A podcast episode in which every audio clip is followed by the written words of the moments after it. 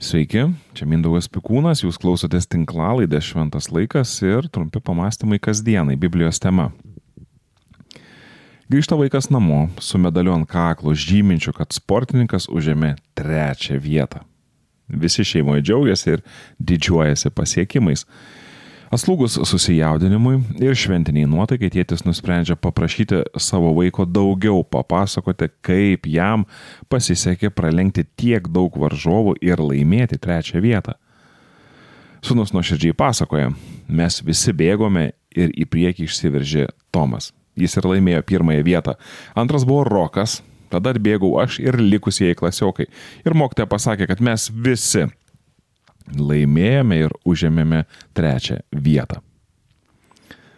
Šeimos nuotaika pasikeitė akimirksniu, vyresnieji šeimos nariai susižvalgė ir tyliai svarstė, ar pasakyti laimingam jaunėliui tikrąją jo medalio vertę, ar ne.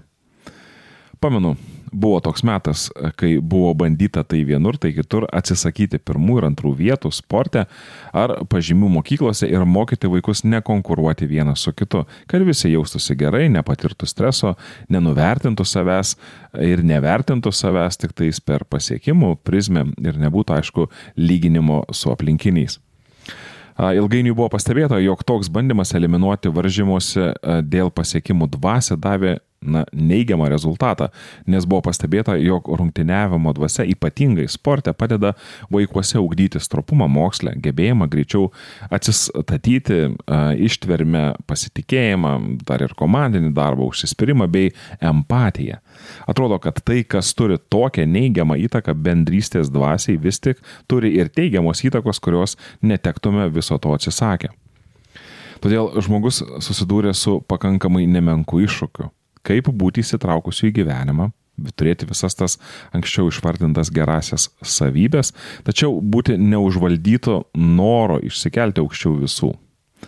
Konkuravimo ir pranašumo siekis yra visur, ieškant darbo ir rašant savo gyvenimo prašymą, ar vadovaujant darbo, dalyvaujant, atsiprašau, darbo pokalbiuose, susitikus su seniai matytais draugais, rašant projektus, kandidatuojant rinkimuose, kolektyviai aptariant metų rezultatus ar tiesiog dedant savo nuotraukas į socialinius tinklus.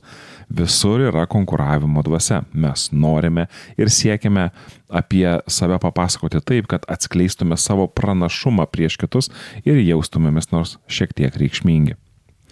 Norime būti pastebėti ir svarbus. Ir dažnai nelabai žinome, kaip tai pasiekti nebūnant kažkuo išskirtiniais ir dėl kažko pastebėtais aplinkinių akise, mums atrodo, tada gyvenimas tampa toks blankus ir kasdieniškas. Konkurencijos dvasia yra tokia įprasta, kad aišku, netgi lengva jos ir nepastebėti. Ir kadangi mes, na, esame sugalvoję dar ir visokias konkurencijos tarnybas ir į jas panašias organizacijas, kurios rūpinasi, kad konkurencija nevirstų išnaudojimu silpniesiems, visa tai įrodo, kad mes šią dvasę kažkaip bandome suvaldyti, tačiau vis tik nelabai įsivaizduojame gyvenimą be jos. Ir šios konkuravimo dvasios apraiškos yra labai puikiai matomos ir pirmosiose Biblijos skyriuose, kai žaltys pasiūlė Jėvai ir Adomui suvalgyti vaisiaus nuo gėrio ir blogio pažinimo medžio, jei šie kartais sugalvos, na, nepasitenkinti vien tik žemės karalystės valdovo poziciją, bet užsikeis dar ir tapti dievais atsakingais už dangaus karalystę. Adomas ir Jėva priėmė pasiūlymą ir puolė. Jie buvo sukurti valdyti žemę ir jos gyvūnus, tačiau jie su savo atsakomybėmis nesusitvarkė ir pasiduodami žalčio skleidžiamą įtakai leido gyvūnui juos užvaldyti. Jų vaikų patirtyse viskas atsikartojo tik dar nuožmiau. Žmogus pažino savo žmoną Jėvą, toliau rašoma Biblijoje, ir ji pagimdė Kainą. Viešpaties padedama gavau berniuką, pasakė ji. Po to jį pagimdė ir broli Abelį. Abelis tapo aviganiu, o Kainas žemdirbiu. Laikui bėgant Kainas aukojo viešpačiai žemės derliaus atnašą, o Abelis savo ruoštų aukojo rinktinės savo kaimenės pirmienas. Viešpats maloniai pažvelgė į Abelį ir jo atnašą, bet į Kainą ir jo atnašą nepažvelgė. Todėl kainas buvo labai piktas ir prisliktas. Viešpats užkalbino kainą, dėl ko tau tai pikta. Kodėl esi taip prisliktas? Jei gerą darai, argi nebūsi pripažintas, bet jei gero nedarai, prie durų iš pasalų tykoja nuodėmė. Ji geidžia tavęs, bet tu gali ją įveikti. Pradžios knyga, ketvirtas skyrius, pirma, septinta eilutės. Iš konteksto nėra aišku, kame problemos. Iš teksto užuominų galima susidaryti įspūdį, jog kažkas yra ne taip su pačiais aukotojais. Ir aišku, greitai išaiškėja kas - negerai. Pasirodo, kaino širdis buvo gana konkurencinga. Jam nepatiko mintis, kad šalia jo pirmagimio yra išaukštintas ir jaunėlis Abelis. Kaino pasaulyje žiūroje viršūnėje yra vietos tik vienam ir jam pikta, liūdna, kad jis nėra tas vienintelis. Kažkas yra tokio nuodėmingo žmogaus širdyje, kad jaučiamės nuskriausti, kai pamatome, kaip yra laiminamas kitas. Žmona gali nuliūsti, kad geresnį darbo pasiūlymą gavo ne ji, o jos vyras. Vaikas gali nusiminti, kai vakarinio pasibuvimo metu tėvų dėmesys nukrypsta į jo brolį ar sesę. Brolis gali užpavydėti kito savo brolio šeimos laimės ir taip toliau. Jei nuodėmės užkresta širdis yra jautri varžymosi dėl svarbos dvasiai, kodėl Dievui, pavyzdžiui, nepalaiminus visų vienodai, po lygiai? Gali juk kilti tokia mintis, ar ne? Kodėl Dievas na, negalėtų duoti visiems po lygiai ir problemų nebūtų? Jei Dievas taip darytų, tai būtų panašu į tėtį, kuris per kalėdas visiems padovanotų operos ir baleto teatro metinius abonementus. Mamai gal ir patiktų ši dovana, bet kaip su vaikais, kaip su ošveis ar šeimos draugais. Tokiuose aplinkybėse mes aiškiai suprantame, kad dovana yra geriausia, kai atitinka asmenybę bei konkretų poreikį. Dievas su visais elgesi panašiai, individualiai. Ir tai kažkodėl dažnai iššaukia pavydą. Ypatingai, jei jaučiame, kad kitas tikrai per daug ar nepelnytai susilaukia Dievo palankumo. Bet paklauskime savęs, o kodėlgi ne? Kodėl kitas yra mažiau nusipelnęs susilaukti Dievo gerumo? Apaštas Paulius rašė apie Jėzų, Dievą. Jis, turėdamas Dievo prigimti, godžiai nesilaikė savo lygybę su Dievu, bet apiplėšė pat save, priimdamas tarno išvaizdą. Laiškas Filipiečiams antras skyrius 6-7 eilutės. Dievas valdžią supranta kiek kitaip, jis nenori jos rodyti ir jam yra įprasta laiminti žmonės ir rodyti jiems gerumą nepriklausomai nuo statuso visuomenėje. Dievui tai nieko, tačiau pasirodo ne žmogui. Mums patinka pranašumas, išskirtinumas ir reikšmingumas.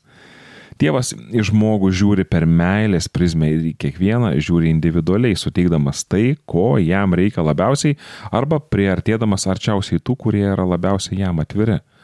Mūsų skaitytoje istorijoje apie Kainą ir Abelį yra įdomu pastebėti, kad Dievas kalbėdamas su Kainu nieko nepasako, kad jis kažkuo blogas. Dievas parodė palankumą Abeliui.